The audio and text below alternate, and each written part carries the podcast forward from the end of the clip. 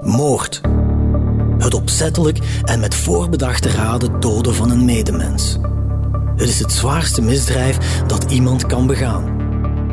We zijn er op een akelige manier door gefascineerd.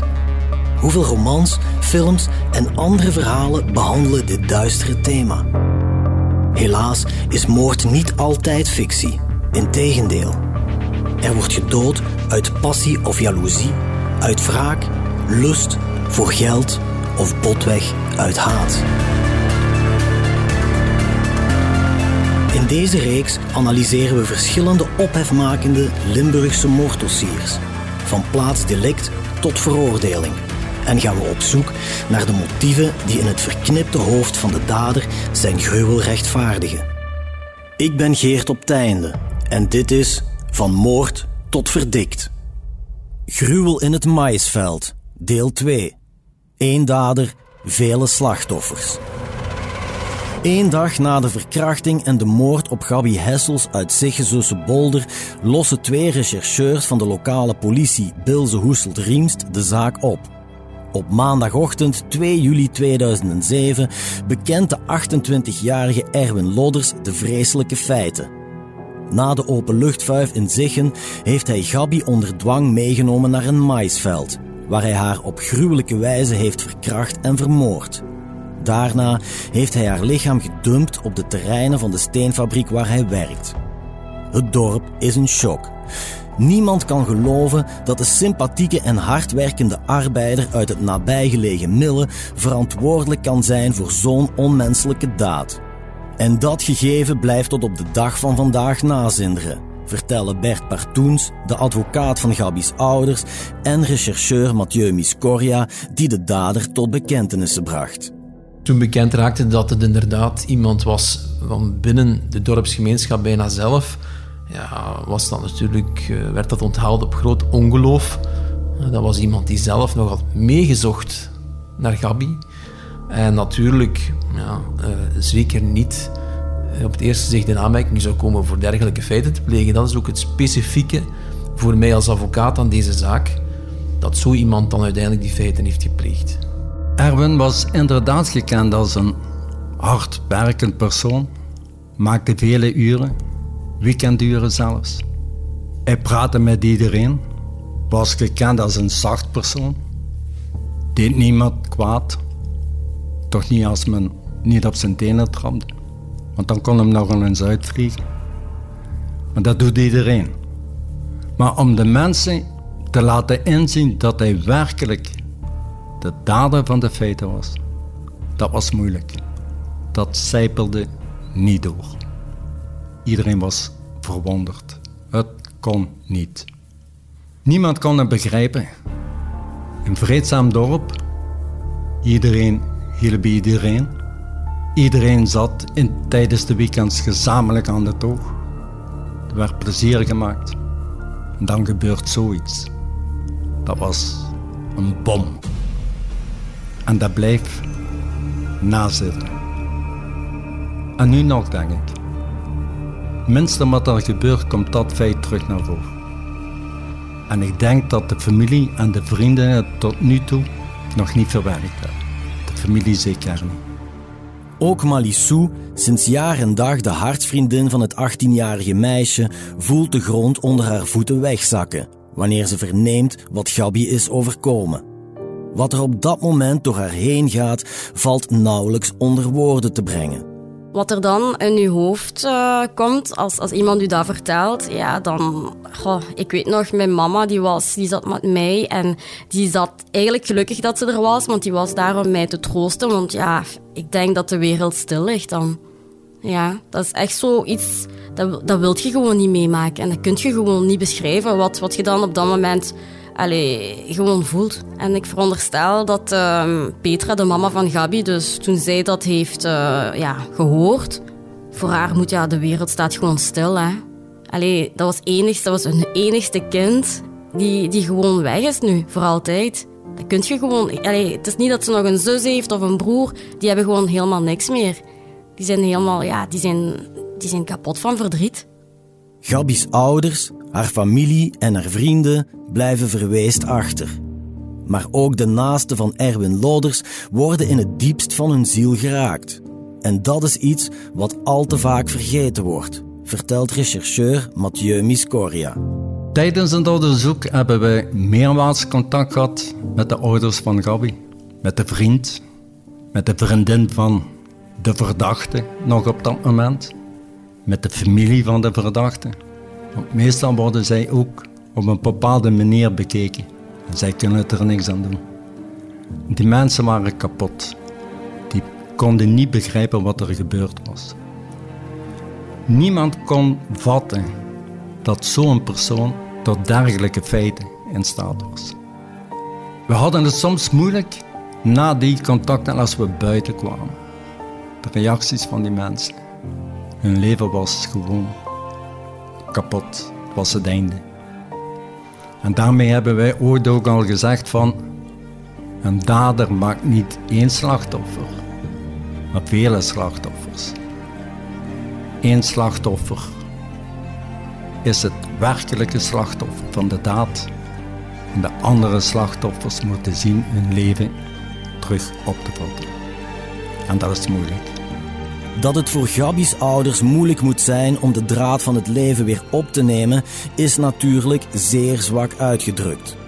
Petra en Huub zijn letterlijk kapot van verdriet. Hun dochter betekende alles voor hen en haar dood heeft ook hen uit het leven weggerukt. Dat dit nooit meer goed zal komen, beseft advocaat Bert Partoens al tijdens de allereerste ontmoeting. Ik heb natuurlijk in het begin ook die zaak van op afstand in de media gevolgd. En dan uh, heb ik die telefoon gekregen van de ouders. En dan ben ik inderdaad heel kort na de feiten al in de zaak gekomen.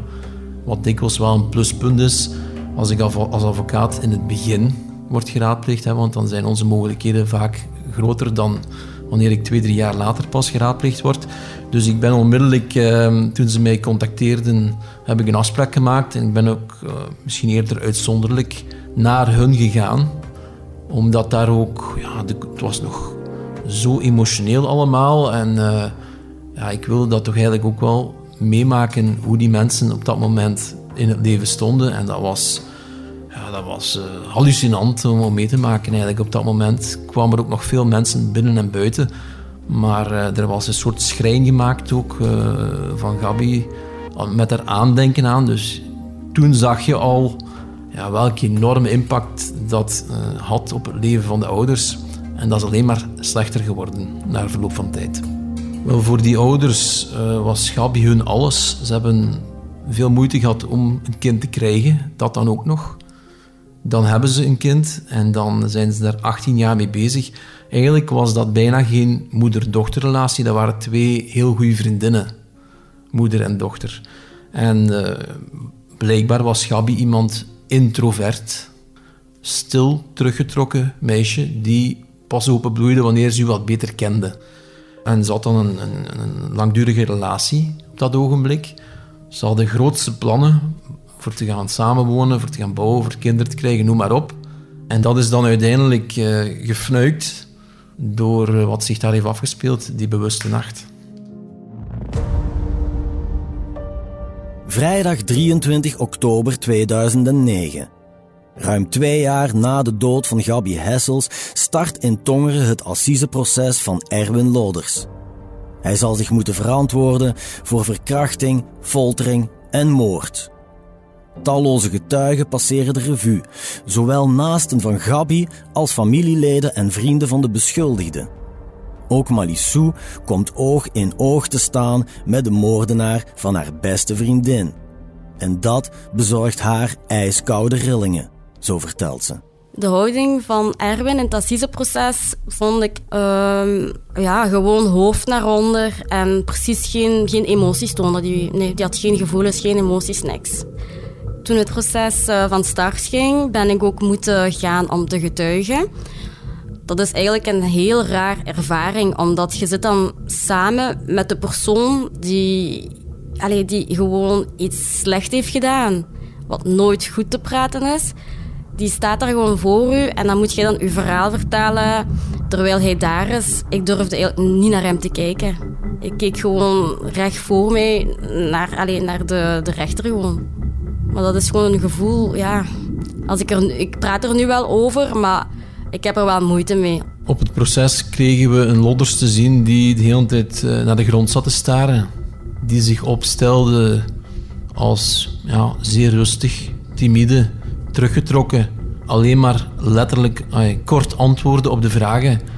Hij gaf totaal geen inkijk in zijn persoonlijkheid. En ik denk dat hij misschien één keer iets emotioneel is geweest toen iemand van zijn familie is komen getuigen. Maar uh, uiteindelijk ja, niet veel inzicht gaf in waarom hij dat nu heeft gedaan eigenlijk. Daarvoor kwamen die ouders, hadden natuurlijk ook gehoopt op bepaalde vragen antwoord te krijgen. Maar zoals dat helaas vaker het geval is, over de feiten zelf bleef hij eigenlijk heel vaag.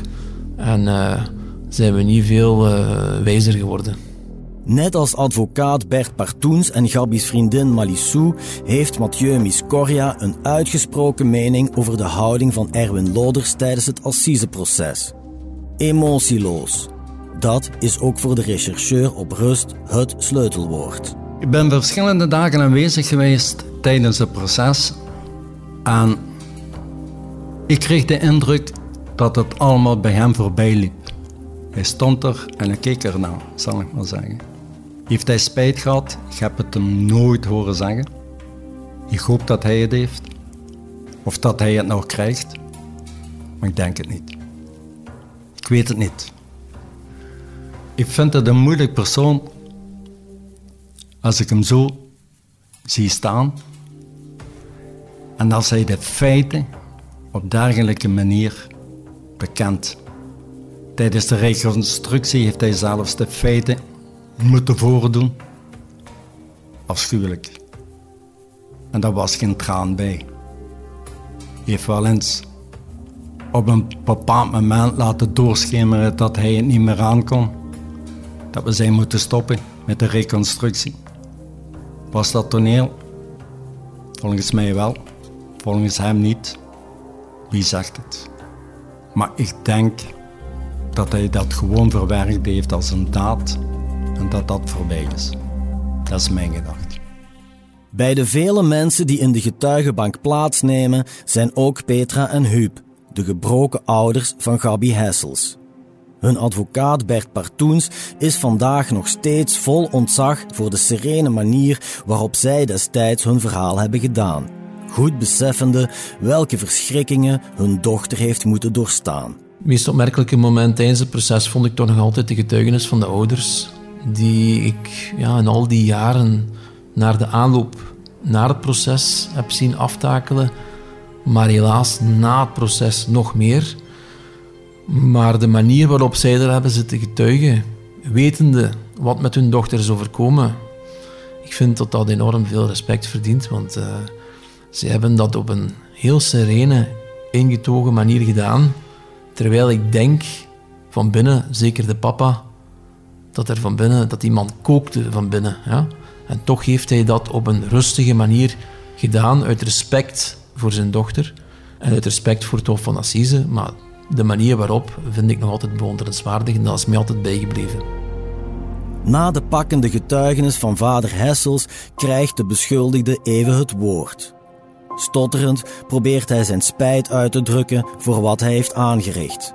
Maar meester Partoens en Gabi's vriendin Malissou plaatsen grote vraagtekens bij de oprechtheid van Lodders schuldinzicht. Ja, de spijt wordt dan betuigd ten aanzien van mijn cliënten op dat ogenblik. En ik kan u zeggen, wat mijn cliënten betreft, kwam dat zeker niet oprecht over.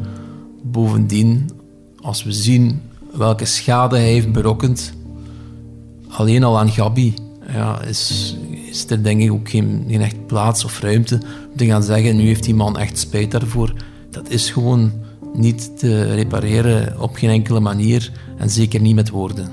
Toen Erwin zijn spijt wou vertellen aan de ouders, had ik zoiets van, ja, heb jij al eens nagedacht van wat er in het hoofd van ja, Petra en Huub, dus de ouders van Gabi, allez, wat, wat, gaat daar, wat gaat erin in hun hoofd? Spijt komt te laat. Wat je gedaan, allez, wat je gedaan hebt, kun je nooit meer goed maken. Had dan er, er, er eerst over nagedacht ja, voor mij is zijn spijt, dat doet me niks. Ik had heel eerlijk zeggen, nee, Nee. Een kleine week na de start van het proces, op donderdag 27 oktober 2009, heeft de Tongerse assisejury haar verdict klaar. En de uitkomst is allesbehalve een verrassing. Erwin Loders wordt schuldig bevonden aan verkrachting, foltering en moord. Een dag later volgt de strafmaat, levenslang. Recht is geschied, maar dat is slechts een schrale troost, vindt Malissou. Of dat terecht is of niet, ja, een levenslange straf. Wat zei je daarbij? Ik krijg Gabi niet meer terug. Hè. Wat hij gedaan heeft, is uh, niet goed te praten. Het doet pijn en het zal altijd pijn doen. Het is intussen 14 jaar geleden dat de trieste feiten in Zeggezusse Bolder zich hebben afgespeeld. Vandaag werkt Erwin Loders vanuit de gevangenis aan zijn reclassering. Dat hij over afzienbare tijd opnieuw een vrij man zal zijn, staat buiten kijf. Desondanks is dat het laatste wat Gabi's ouders op dit moment bezighoudt, weet een advocaat. De ouders zijn vandaag zeker niet bezig met Loders. Ze hebben zelf genoeg problemen om mee bezig te zijn. Vooral uh, vlak van hun eigen gezondheid. Want ik kan eigenlijk zeggen, met het uh, doden van Gabi heeft men ook het leven van uh, de ouders beëindigd. Ik kan het niet anders omschrijven. Zowel op privévlak, maar ook op professioneel vlak. Ze werkten daarvoor alle twee, dat is ook allemaal gedaan. Ze hebben in de psychiatrie gezeten. Of, ik ga je niet alle details hier vertellen, maar ik kan u zeggen dat is verschrikkelijk. Uh, ja, die mensen, uh, vanaf de eerste dag dat ik die heb gezien, tot dan een paar jaar daarna, ja, dat is... Die mensen zijn een en al verdriet, nog altijd. En dat is nooit meer goed gekomen. En ik durf te zeggen dat het ook nooit meer goed zal komen. Gabi was voor die mensen alles. En dat heeft Loders afgenomen. Dus Loders heeft meer dan één slachtoffer gemaakt. Geloof me daar vrij in. Veel meer dan één. In Riemst heeft het leven zich de voorbije jaren gaandeweg hernomen. Maar de wonden die de dood van Gabi hebben geslagen, zijn nog steeds niet geheeld. En het is maar de vraag of dat ooit echt zal gebeuren. Mijn rouwproces na de dood van Gabi uh, verliep eigenlijk heel moeilijk. Ik had vaak nachtmerries. En ik had ook het gevoel van dat Gabi eigenlijk nog altijd bij mij is in dezelfde ruimte waar ik ben, ook als ik moet slapen. Maar ik denk, ja, ik heb het nog altijd niet kunnen, allez, geen plaats kunnen geven.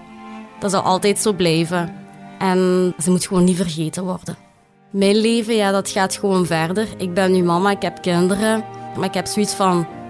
Vaak denk ik aan Gabi. Dan denk ik van, kijk, we hadden hier samen kunnen zitten. Met onze kindjes, met onze, met onze vrienden of ah, mannen. Om samen plezier te maken. En dat, die momenten kan ik niet met haar delen. Ik kan er alleen maar aan denken van, kijk Gabi, wees, uh, wees gewoon blij voor mij. Ik ben gelukkig en ik hoop dat jij daarboven ook gelukkig bent. De moord op Gabi Hessels is de laatste zaak van rechercheurs Michel Klaassen en Mathieu Miscoria. Want drie maanden na de feiten gaat het onafscheidelijke duo met pensioen.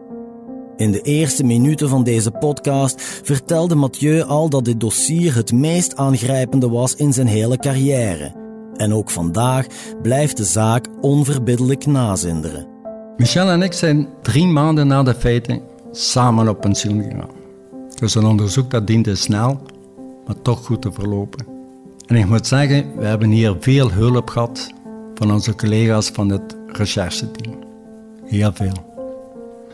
En dat we een bekentenis hebben gehad op zeer korte tijd. En dat dat geapprecieerd werd door de familie.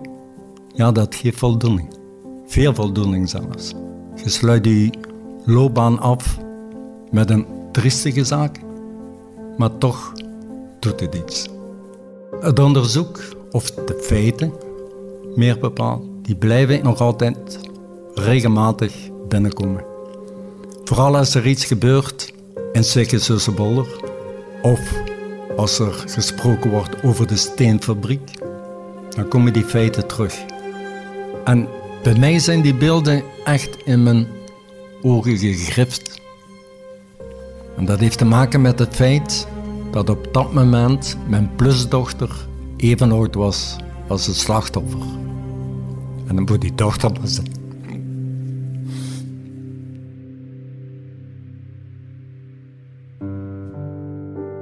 Ook op Bert Partoens, de advocaat van Huub en Petra Hessels, heeft de zaak een blijvende indruk nagelaten. Nooit eerder had hij dergelijk extreem en zinloos geweld gezien. En hopelijk zal hij dat in zijn verdere carrière ook nooit meer meemaken, vertelt hij. Tot op de dag van vandaag vind ik het nog altijd een heel uh, bizarre situatie dat iemand die naar de buitenwereld toe een heel normaal leven had. Hij had vast werk, hij had een vaste vriendin. Hij had eigenlijk alles wat hij nodig had. Nooit in aanraking gekomen met justitie. Die dan zo ontspoort op die manier, want we moeten eerlijk toegeven, dit is eigenlijk een sadistische verkrachter geweest, die dan ook nog heeft gedood, vermoord. Dus ja, ik, vind het een heel bizarre uh, gevolgtrekking die hier is ontstaan in deze zaak. Want ja, wat is daar de verklaring voor? De psychiaters hebben wel gezegd dat hij gevaar blijft voor de maatschappij. Maar echt de vinger op de wonden heb ik daar ook niet horen zeggen waarom iemand zo op die manier kan ontsporen en tot zo'n zwaar geweld kan overgaan, de eerste keer in zijn leven. En het feit dat hij dat inderdaad van vandaag op morgen ook zo heeft gedaan, sluit denk ik niet uit tenzij men mij dat professioneel kan weerleggen, dat dat opnieuw zou kunnen gebeuren. Want ja, waarom is het toen gebeurd? Daar kan ook niemand geen verklaring over geven. Wat vaststaat is dat Gabi er geen enkele verantwoordelijkheid uiteraard in had om dat zo te laten ontsporen, want ze kenden elkaar amper. Dus er moet toch echt iets serieus mis zijn in uh, die man zijn hoofd.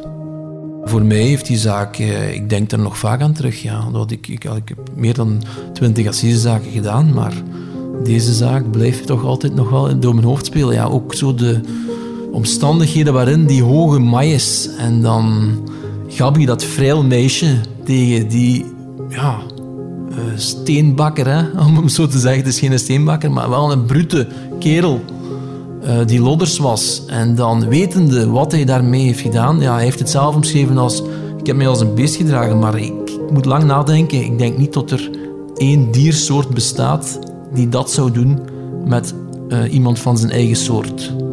Ik kan mij dat niet inbeelden, dus het is eigenlijk een belediging voor de dieren wat hem daar zegt, want de dieren doen dat niet. Hij heeft dat gedaan, niemand anders. Graag hadden we in deze podcast ook Erwin Loders een stem willen geven, bij monden van zijn advocaat. Er waren uitvoerige contacten met zijn raadsman, waarbij we hem voorstelden om zijn visie te geven op de feiten, het assiseproces en de reclassering van zijn cliënt.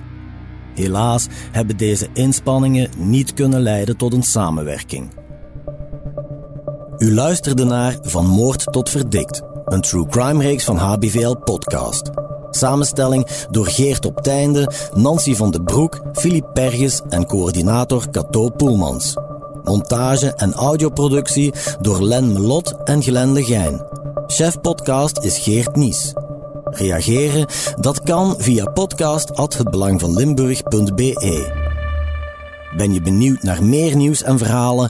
Surf naar hbvl.be/voordelig en ontdek onze voordelige leesformules.